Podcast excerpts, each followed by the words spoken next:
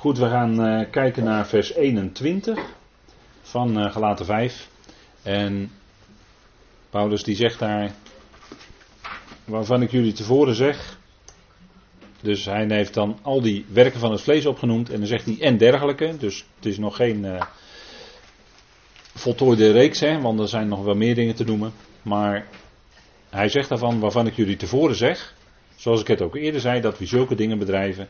Het koninkrijk van God niet als lotdeel zullen genieten. En dat is natuurlijk een moeilijke tekst.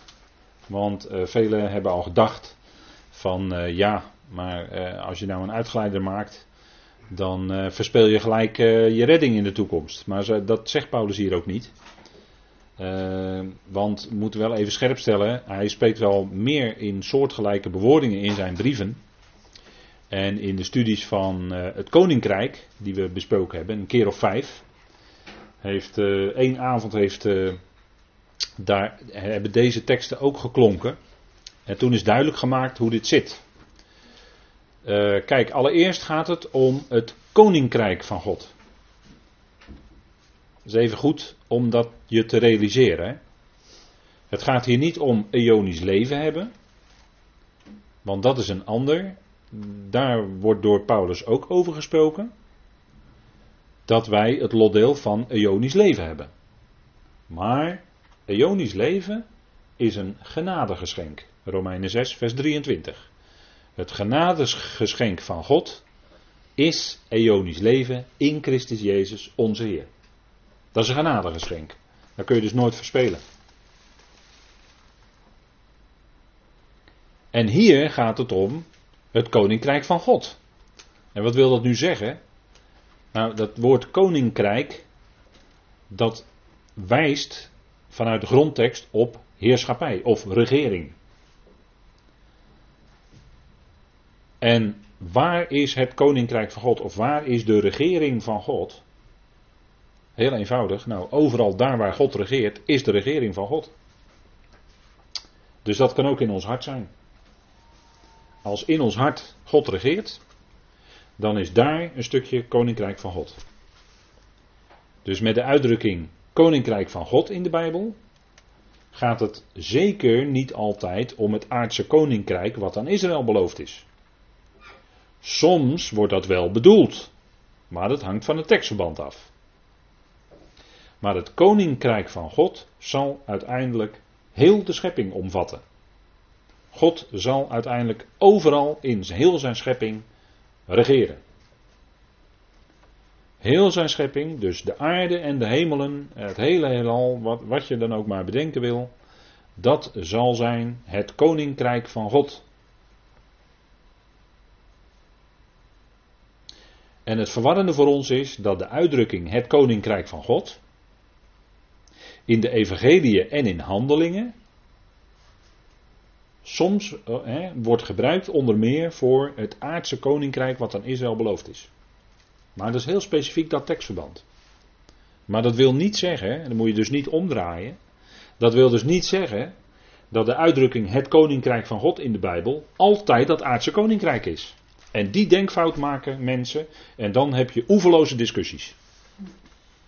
Als zij maar denken dat het koninkrijk van God het aardse koninkrijk is wat aan Israël beloofd is, dan kun je oeverloos met ze praten, maar je komt nooit verder.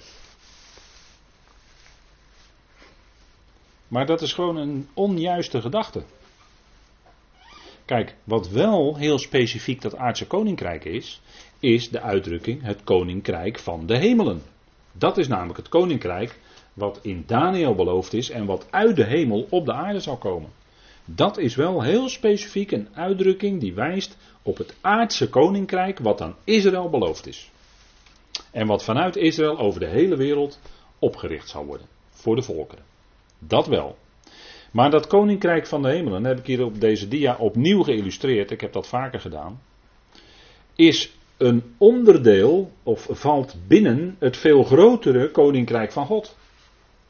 En als je dat plaatje nou maar voor ogen hebt, dat is het Bijbelse plaatje, dan ben je eruit.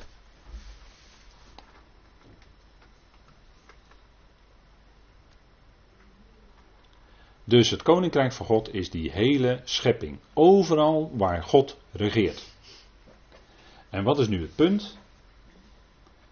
Voor ons als gelovigen ligt daar een hemelse toekomst. Sterker nog, wij zijn al met Christus Jezus gezet te midden van de hemelingen. Onze geestelijke positie als gelovigen is al boven in de hemelen, daar waar Christus is, omdat wij nu eenmaal met Hem en in Hem verbonden zijn. Dus onze positie is al een hemelse.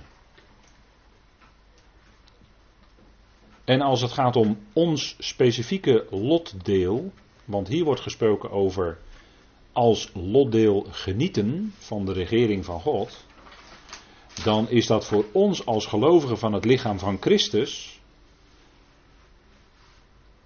dat rijk boven, dat hemelse rijk, om het zo maar te zeggen, dat hemelse koninkrijk, waar wij als gemeente, als lichaam van Christus, een bijzondere bediening hebben samen met Hem. Voor Israël is het lotdeel in de koningsheerschappij van God, is op aarde, in het koninkrijk van de hemelen. En zij zullen dan koning en priester zijn en zo de volkeren leiden. Wij als lichaam van Christus hebben een lotdeel boven en wij hebben een bediening boven voor de hemelse machten en krachten.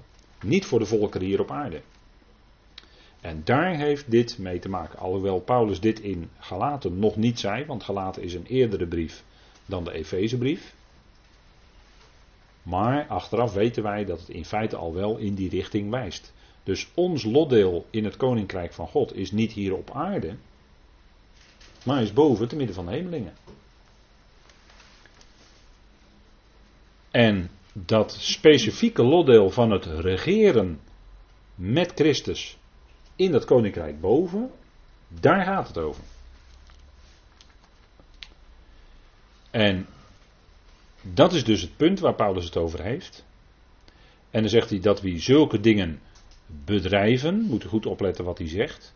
Wie zulke dingen bedrijven, dat heeft hij dus niet over incidenteel een keer waar later op teruggekomen is en berouw op en inkeer, laat ik maar zo zeggen, inkeer opgekomen is en dergelijke. Daar heeft hij het niet over. Maar hij heeft het over wie zulke dingen bedrijven. Die dus als gelovigen daarin doorgaan. En dat is dus wel een punt, hè. En dat is dus een uiting van, uh, nou, laat ik maar zeggen, hè, Paulus noemt een hele lange reeks hier. En er zijn heel wat gelovigen die uh, met deze dingen te maken hebben. Het punt is, wat Paulus dan zegt, die zullen die regering niet als lotdeel genieten. Daar komt er dus op neer, in de toekomst niet samen met Christus regeren. Te midden van de hemelingen. Wel daar zijn, want dat is een genadegeschenk. Maar niet met hem regeren, dat is iets anders. Dat is een verschil. Ja? Nou, zullen we dat nog even aan, aangeven met 2 Timotheus 2, want daar staat dat. 2 Timotheus 2.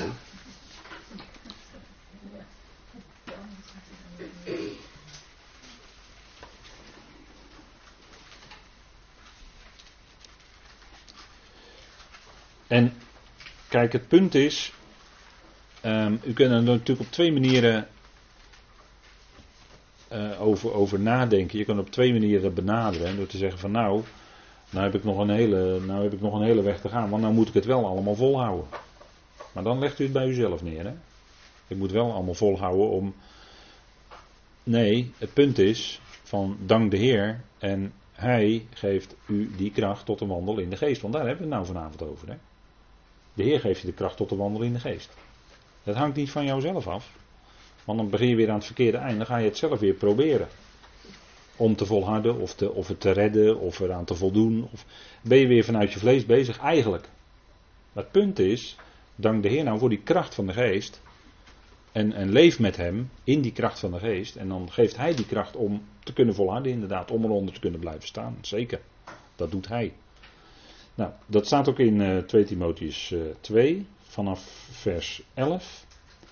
Daar staat: Betrouwbaar is het woord Want indien wij gezamenlijk stierven, zullen wij ook gezamenlijk leven. en dat is natuurlijk eh, voor ons allemaal, want dat geldt voor ons allemaal. We zijn allemaal samen met Christus gestorven toen hij stierf. En we zullen ook met hem opgewekt. Dat zijn we al, maar we zullen ook lijfelijk met hem opgewekt zijn in de toekomst. En dan zullen we ook lichamelijk dat, daar deel aan hebben. En dan komt vers 12. Indien wij volharden. En dat woord volharden is, uh, heeft te maken met uh, ja, blijven, hè, het, het, het verduren, uh, eronder blijven. Zullen wij ook gezamenlijk heersen. Daar heb je het, hè. Zullen wij ook gezamenlijk heersen. Indien wij logenen. Nou, wat logenen? Nou, dat, dat, dat woord. Door onze uh, wandel. In het niet volharden. Zal dat ook ons logenen. Zal dat woord ook ons logenen. Indien wij ontrouw zijn. Hij blijft trouw. Zichzelf logenen kan hij niet. Het punt is. Kijk, wanneer wij volharden, zullen we ook mede regeren. Wanneer wij logenen, dat woord logenen, en dus niet volharden, zal dat woord ook ons logenen. En waar heeft dat mee te maken? Met het regeren. Niet met het eonisch leven. Daar gaat het hier niet over. Hè? Het gaat hier over gezamenlijk heersen. Het gaat hier niet over eonisch leven. Dat kunnen wij nooit verspelen, want dat is een genadegeschenk. Nogmaals. Maar hier gaat het om dat mede regeren met Christus. En dan blijft het zo, indien wij ontrouw zijn, hij blijft trouw. Dus dat eonische leven en die verzegeling met de geest is een feit en dat blijft een feit. Dat, dat zegel wordt niet verbroken, want we blijven verzegeld. Maar het punt zit hem dus op dat mede regeren met Christus. Daar zit het hele punt. En daar heeft deze tekst in gelaten 5 gaat daar, gaat daar ook over. He, zichzelf logenen kan hij niet. He. Dus de Heer blijft trouw aan zijn woord van genade. Al die leden van het lichaam straks zullen erbij zijn. Hij gaat niet een deel van zijn lichaam amputeren. Denk dat maar niet hoor. Denk dat maar niet. Nee, dat hele lichaam zal er straks zijn. Iedereen, elk lid van het lichaam van Christus, zal straks met hem zijn te midden van de hemelingen. En het punt is waar Paulus het hier over heeft, in Galaten 5 en in 2 Timotheus 2, en ook in Efeze 5 en Colossense 3. die, die teksten zijn toen besproken. Het punt is dat er leden zullen zijn die niet samen met Christus zullen regeren.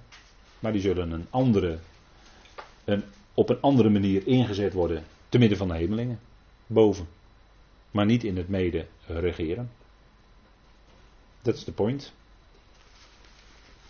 En ja, eh, u zegt ja, dat is moeilijk, dat is moeilijk. Maar uh, dit komt toch uit de tekst naar voren. Het blijft genade, blijft evangelie van genade. We gaan allemaal de Heer tegemoet in de lucht. Of we zullen allemaal Hem in de lucht ontmoeten. En boven te midden van de hemelingen zijn. Er is niemand die dat zal missen hoor. Geen enkel lid van het lichaam.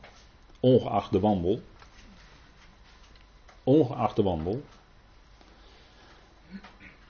Blijft genade. Maar het punt is dat mederegeren met Christus zul je dat als verdrietig ervaren? Dat is een hele andere zaak, want je bent dan in een, verheerlijkte, in een verheerlijkte situatie, verheerlijk lichaam. Dus je zal alleen maar erkennen, ja, dit, dit, is, dit is terecht. Hè, en, en dat verdriet wat we nu kennen, of uh, de, de pijn, of uh, hoe moet je dat noemen, die, dat, zal, dat zullen we dan op een hele andere manier ervaren. We zullen het met de Heer eens zijn. Iedereen zal het met de Heer eens zijn. Ja, dat is, dit, is, dit is zo, dit, dit, dit klopt. Ja. Maar hij doet toch ook zowel het willen als het werk? Ja, natuurlijk. Dat bepaalt, dat uiteindelijk bepaalt hij dat dan. Ja, alles. alles zeg maar. Nou, nee, ja, hij, natuurlijk, alles is uit hem. Hij, hij bepaalt het willen en het werken inderdaad in ons. Uh, natuurlijk, dat blijft staan. Uh, alleen, dat, dat, dat kun je natuurlijk niet uh, gebruiken als Paulus het heeft. Hè, dat kun je niet als, als, als een soort excuus gaan gebruiken, laat ik het zo zeggen. Voor laat ik maar zeggen, de werken van het vlees. He, dan, kun je, dan kun je niet achter, kun je niet zeggen van uh, ja, de, de heer uh, doet het niet of zo. Lijkt, Zo spreekt Paulus er nooit over. Dus dat kan niet. Dat het gaat niet aan. is dat je gestraft wordt. Nee, ja, dat, is- dat is het natuurlijk niet. Nee, maar Het is geen straf. Als je het eh, verkeerd leest, dan lijkt het inderdaad Ja. alsof je gestraft wordt omdat je dat niet doet. Maar alles is uit God. Alle, ja, natuurlijk. Maar dat, kijk, straks bij Israël zijn er ook 144.000 Ja. Die een specifieke bediening hebben. En de rest van het volk niet. Is dat een straf voor de rest van het volk? Nee, andere bediening. We hebben gelezen bij, bij, de, bij de studie van openbaring. David, koning David, zal koning over hen zijn. Er is maar één koning dan, David, en die regeert dan namens Christus in de duizend jaar. Er is maar één koning en al die andere Israëlieten zijn het niet. Is dat de straf voor al die andere Israëlieten? Nee. Maar er is gewoon eentje als koning. Stelt God aan. God stelt David dan aan. Die zegt David is dan koning. Klaar. Nou, dat, en de rest van het volk zal dat accepteren. De, de, de twaalf apostelen zijn geroepen door de Heer om te regeren over de twaalf stammen van Israël in de wedergeboorte. Matthäus 19, vers 28. Nou, die twaalf apostelen zijn dus uitgekozen door de Heer om dat te doen. En al die anderen dus niet. Ja, en en zo, zo, zo moet u dat ook zien, te midden van de hemelingen. Er zullen dus een aantal zijn, hoeveel weet ik niet, geen idee van, die met Christus zullen regeren. En een heleboel zullen dat niet doen. Of een heleboel, ja, dat weet ik niet eens. Dat is ook gevaarlijk om te zeggen. Bijvoorbeeld dat bepaalt. Dat is, dat, tuurlijk, tuurlijk ligt dat al vast. Ja, precies. Daar hoeven we helemaal geen zorgen over te maken. Ja. Alleen het punt is dat Paulus het hier zegt. En daar hebben we mee te maken. En dan gaan wij kijken, ja, wat bedoelt Paulus dan? Wat bedoelt de schrift dan? Hè? Ja, je moet het dus Je, je kan er niet omheen. Je moet het eigenlijk meer lezen als een mededeling Ja. in plaats van een gevolg van. Ja, eh, kijk, je kan, je kan dat lezen inderdaad als een straf. Maar daar heeft Paulus het Nee. totaal niet over. Hij zegt, dit zijn werken van het vlees. En dat het, dat het ook zonden zijn, natuurlijk, dat is zo, absoluut. Maar het zijn werken van het vlees. Alleen bij de Bema, als we daar zijn, dan worden onze zonden ons niet meer tegengeworpen. Dat kan niet, want we zijn gerechtvaardigden. Dus dat is onmogelijk. Maar wel, datgene wat wij door het lichaam op aarde hebben verricht, ja, het zij goed, het zij slecht, 2 Korinthe 5, hè, gaat er ook over. Nou, dan zal dat blijken. En dan zal ook blijken wie door de Heer dan bedoeld zijn, kan het ook zo zeggen hoor, wie door de Heer dan bedoeld zijn straks om met hem te regeren en wie niet. Net zoals bij Israël. Is dan eigenlijk een soort eh openbaar of een geheimnis dat onthuld wordt? Dan zullen wij het zien, ja, wie dat, wie dat wel zullen zijn en wie dat niet Nee, zullen zijn. Hier dat het dan daar staat en dat eigenlijk van iets wat tot dan toe nog niet bekend is. Mm, Nou, het was wel bekend, want Paulus zegt, eh, zoals ik het ook eerder zei. Dus hij had het tegen die gelaten al gezegd. Zoals ik het ook eerder zei, dat we zulke dingen bedrijven, de, de regering van God niet als lotdeel zullen genieten. Nou. Ja, oké. En die lijn trekt hij door in Efeze en Colossense, dus eh, Dat weet je niet. Hetzelfde staat ook in Efeze hoor, dus, dus het geldt. Je kan niet zeggen, van dit is een vroege brief of zo. Nee, Efeze staat het ook. Ja, nee, ik ken, ik ken die argumenten wel hoor. Maar eh, kijk, het punt is gewoon, Paulus trekt die lijn door. Dat staat wel heel zijn brief. En 2 Timotheus 2 is zijn laatste brief. Dat hebben we net gelezen met elkaar. Zijn allerlaatste brief die hij geschreven heeft, hoogstwaarschijnlijk. Nou, daar staat het ook in. Dus wat willen we dan? Dan hebben we ermee te maken. En dan moet je dat ook erkennen dat het zo is. En wij lezen dat vanuit onze achtergrond enzovoort vaak dan als een straf, of dat mag niet, of nee, dan mag je niet meeregeren. Nee, ja, nou goed, de Heer bepaalt dat. De Heer bepaalt dat. Dus kun je toch zelf En dat-. Nou ja, je, je kan natuurlijk wel wat mee. Ik bedoel, de schrift is ons, eh, eh, hè, om ons aan te moedigen. Ja. Paulus moedigt ons aan om te wandelen in de geest. Hè? Mhm. Dat is wel de aanmoediging hier. Mhm. En dan is het bijproduct dat je dus niet de werken van het vlees volbrengt. Of de begeerte van het vlees. Dat is, hè? dat is natuurlijk de bedoeling van het evangelie. Dat wij wandelen. Hè? Dat we ons lichaam stellen tot een levend, heilig en God welgevallig offer. Dat, dat is de bedoeling natuurlijk. Daar, daar moet het toe leiden. Dat kan je ook negeren dan dus.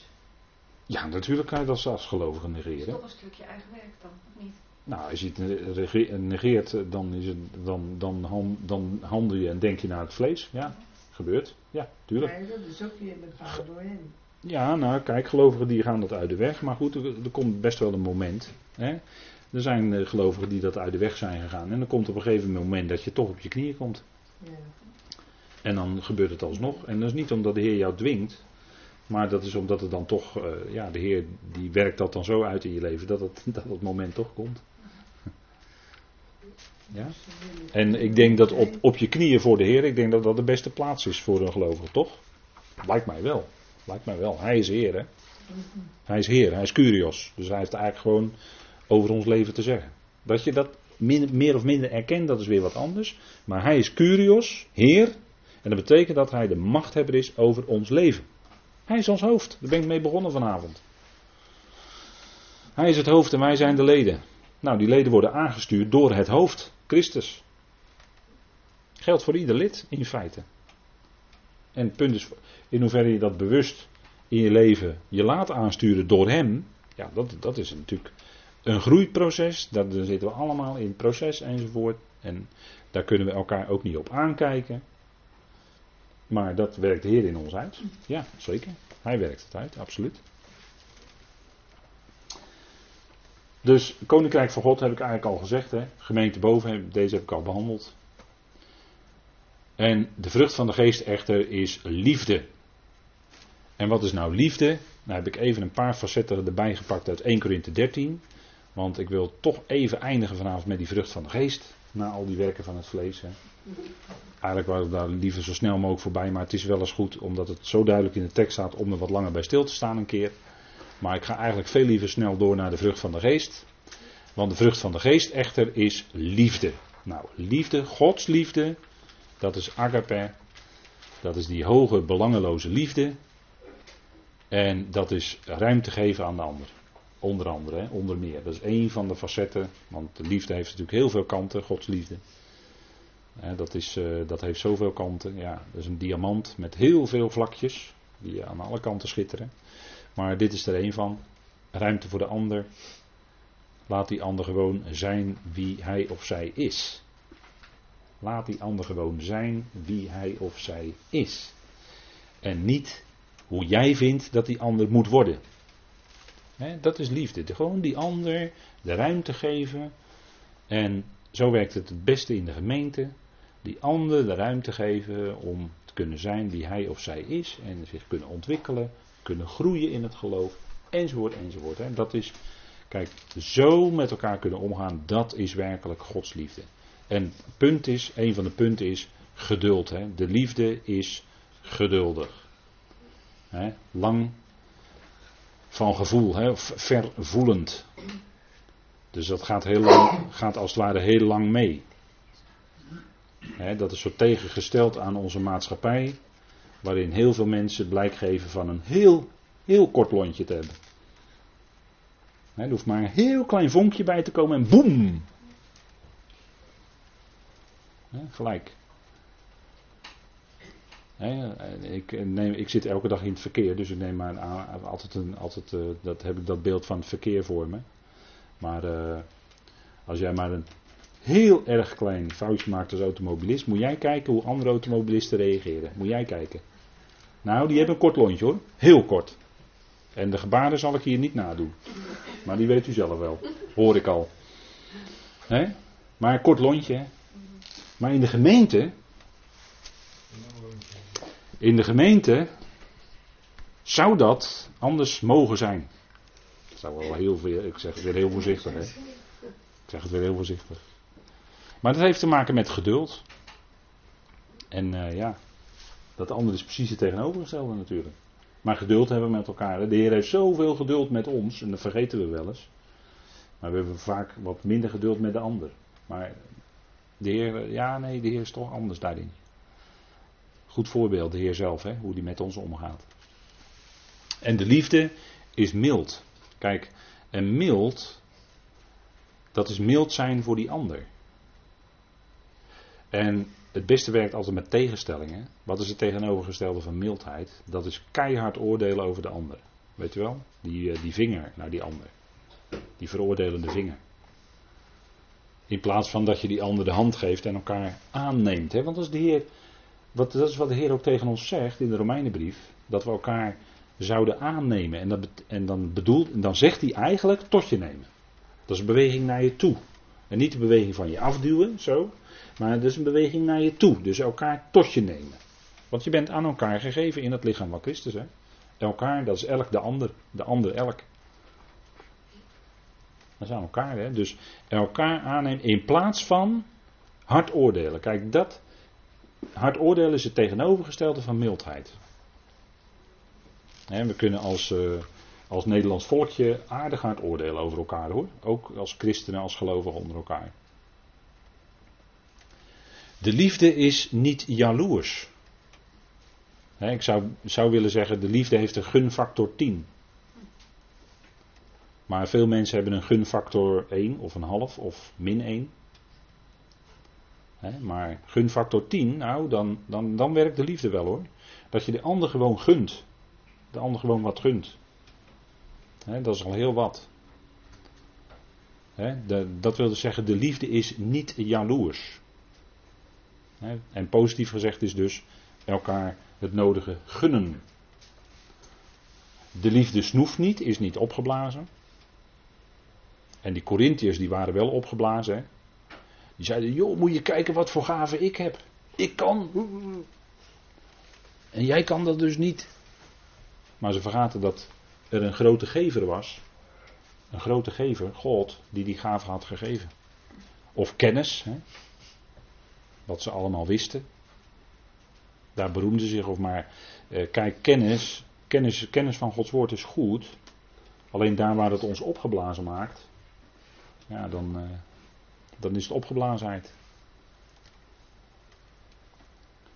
Nou, daar beroemde zij zich op, hè. Maar de liefde snoeft niet, is niet opgeblazen. De liefde is niet onwelvoegelijk. Ze zoekt zichzelf niet. Dat, is, dat is dus echt dat van je af, hè. Zoekt zichzelf niet. Is niet prikkelend, hè. En, en, en mensen onder elkaar kunnen elkaar enorm prikkelen, prikkelend bezig zijn. He, alsof ze een prikstok in de hand hebben en elkaar lekker eens even prikken, zo. He. Maar de liefde prikkelt niet. En rekent het kwade niet toe. He, de liefde rekent het kwade niet toe. Dat is wat, hè? Als je het kwade, hè, dat kwade is en blijft kwaad, dat wel. Maar je rekent het de ander niet aan. Je laat die ander in de waarde als gemeentelid wie die ander is. En dan eigenlijk, eigenlijk ten diepste, hè, als, als iemand kwaad doet op een of andere manier, en, en kan soms zijn dat heel veel mensen daar last van hebben, maar eigenlijk zou het ons moeten leiden tot uh, mededogen naar die ander die dat kwaad heeft gedaan. Niet, niet, niet dat kwaad accepteren, maar die ander die dat kwaad heeft gedaan, daar mededogen mee hebben, daarvoor bidden opdat die ander van die weg terugkomt. En, en die heeft dan last te dragen, want die heeft dat kwade gedaan. Dan, dan, dan drukt dat op je hoor. Dan drukt dat op je. En daar zouden we mededogen mee hebben. Met zo iemand. Nou, dus rekent het kwade niet toe. Paulus deed dat ook niet. He? Allen verlieten hem toen hij, voor de, toen hij in de rechtszaal stond. Was er eigenlijk niemand die hem bijstond. En dan zegt hij, het worden hun niet aangerekend. Hij vergaf het, hij betoonde hun genade. Hij rekent het kwade niet toe. Ik vind dat een geweldig voorbeeld hoor. De liefde is niet verheugd over de ongerechtigheid, maar is verheugd tezamen met de waarheid. De liefde verheugt zich met de waarheid. Dus de liefde is niet blij met ongerechtigheid, en, en is alles wat niet met het evangelie overeenstemt. Ook wat het gedrag betreft. Nou, daar hebben we vanavond het nodige over bestudeerd met elkaar. die werken van het vlees. Daar is de liefde niet blij mee. Maar de liefde is wel blij met de waarheid. met dat evangelie, de waarheid van het evangelie. Met uh, de waarheid, als, als gelovige ook echt uh, op de goede manier met elkaar optrekken. naar het woord. Daar is de liefde ook blij mee. En ze houdt alles uit, ze gelooft alles, ze verwacht alles en ze blijft onder alles. De liefde valt nimmer uit. De liefde zal datgene zijn wat altijd blijft. De liefde blijft. Nou, daar wil ik dan vanavond mee afsluiten. Ik denk dat dat wel een goede afsluiter is. De liefde zal blijven. En Gods liefde zal uiteindelijk alles overwinnen.